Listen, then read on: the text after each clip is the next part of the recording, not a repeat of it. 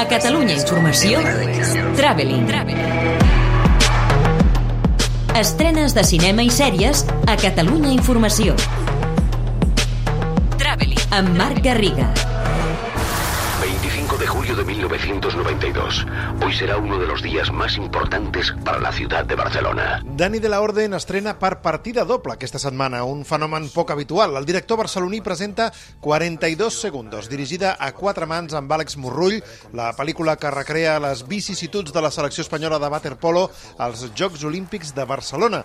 En declaracions a Catalunya Informació explicava que un dels punts importants que vol mostrar la pel·lícula és que l'esforç físic és tan important com el mental. I aquesta gent és una gent que els hi ensenyen a fer 15.000 flexions, entrenar, no parar, no parar, però si té una addicció, òbviament aquesta addicció afectarà a, a l'esport. I si un té un trauma o un, una cosa que no ha tret, òbviament li afectarà, no? de que la pel·lícula demostra que no, no és suficient con el mundo espartano. Un film que volia ser més èpic i mostrar amb més detall aquella Barcelona olímpica, però que per motius pressupostaris ha quedat en producció més petita i això ha provocat que se centrés més en els personatges de les dues estrelles d'aquell equip, Manel Estiarte i Pedro García Aguado, interpretats per Álvaro Cervantes i Jaime Lorente.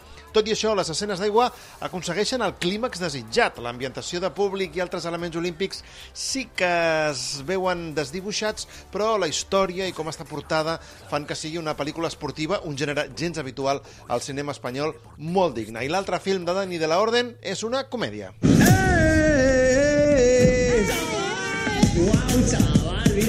Todas las personas pueden dividirse en dos grupos, triunfadores y fracasados. El test planteja a l'espectador la dicotomia d'escollir entre que et donin 100.000 euros ara o un milió dintre de 10 anys. Una qüestió que posen sobre la taula quatre amics que, a mesura que s'escalfa la discussió, faran que surtin a la llum alguns secrets del passat força amagats. Ells són Alberto San Juan, Miren Ibarguren, Blanca Suárez i Carlos Santos. Un film ple de sorpreses, de girs de guió, que va competir sense èxit a l'últim festival de Màlaga, segurament perquè sembla dirigit una mica amb el pilot automàtic i la història no acaba de quallar.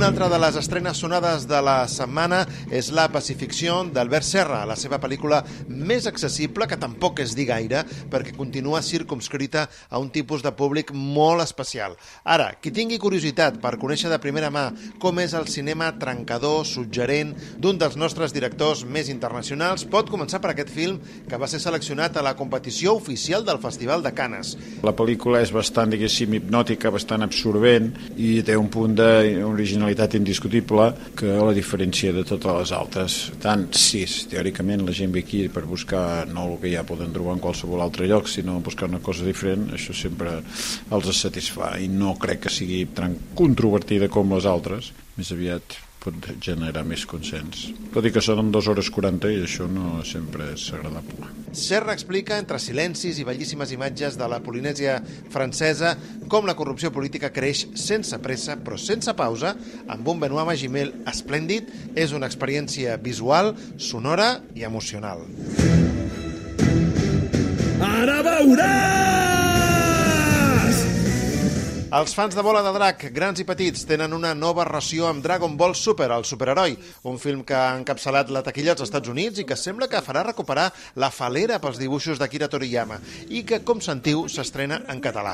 Completen la cartellera el nou film del director de Mad Max, George Miller, 3.000 años esperándote, que patina amb un conte de fades a l'estil de les mil i una nits, amb Idris Elba fent de geni, acompanyat de Tilda Swinton, que voreja el ridícul en algun moment.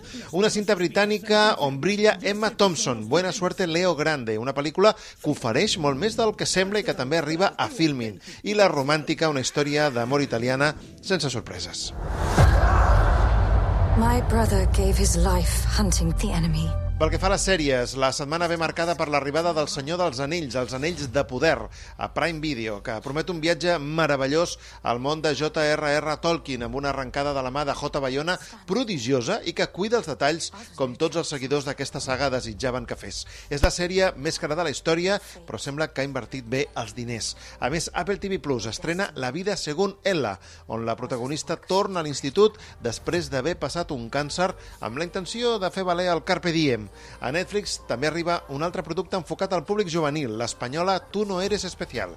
A Disney Plus és el torn de Pistol, a partir del dia 7, biografia dels Sex Pistols, basada en el llibre del guitarrista de la banda Steve Jones i dirigida per Danny Boyle, el de Trainspotting, mentre que HBO es posen de costat dels Stones, amb la sèrie documental també a partir del dia 7, Mi vida como un Rolling Stone. Traveling. Estrenes de cinema i sèries a Catalunya Informació, amb Marc Garriga.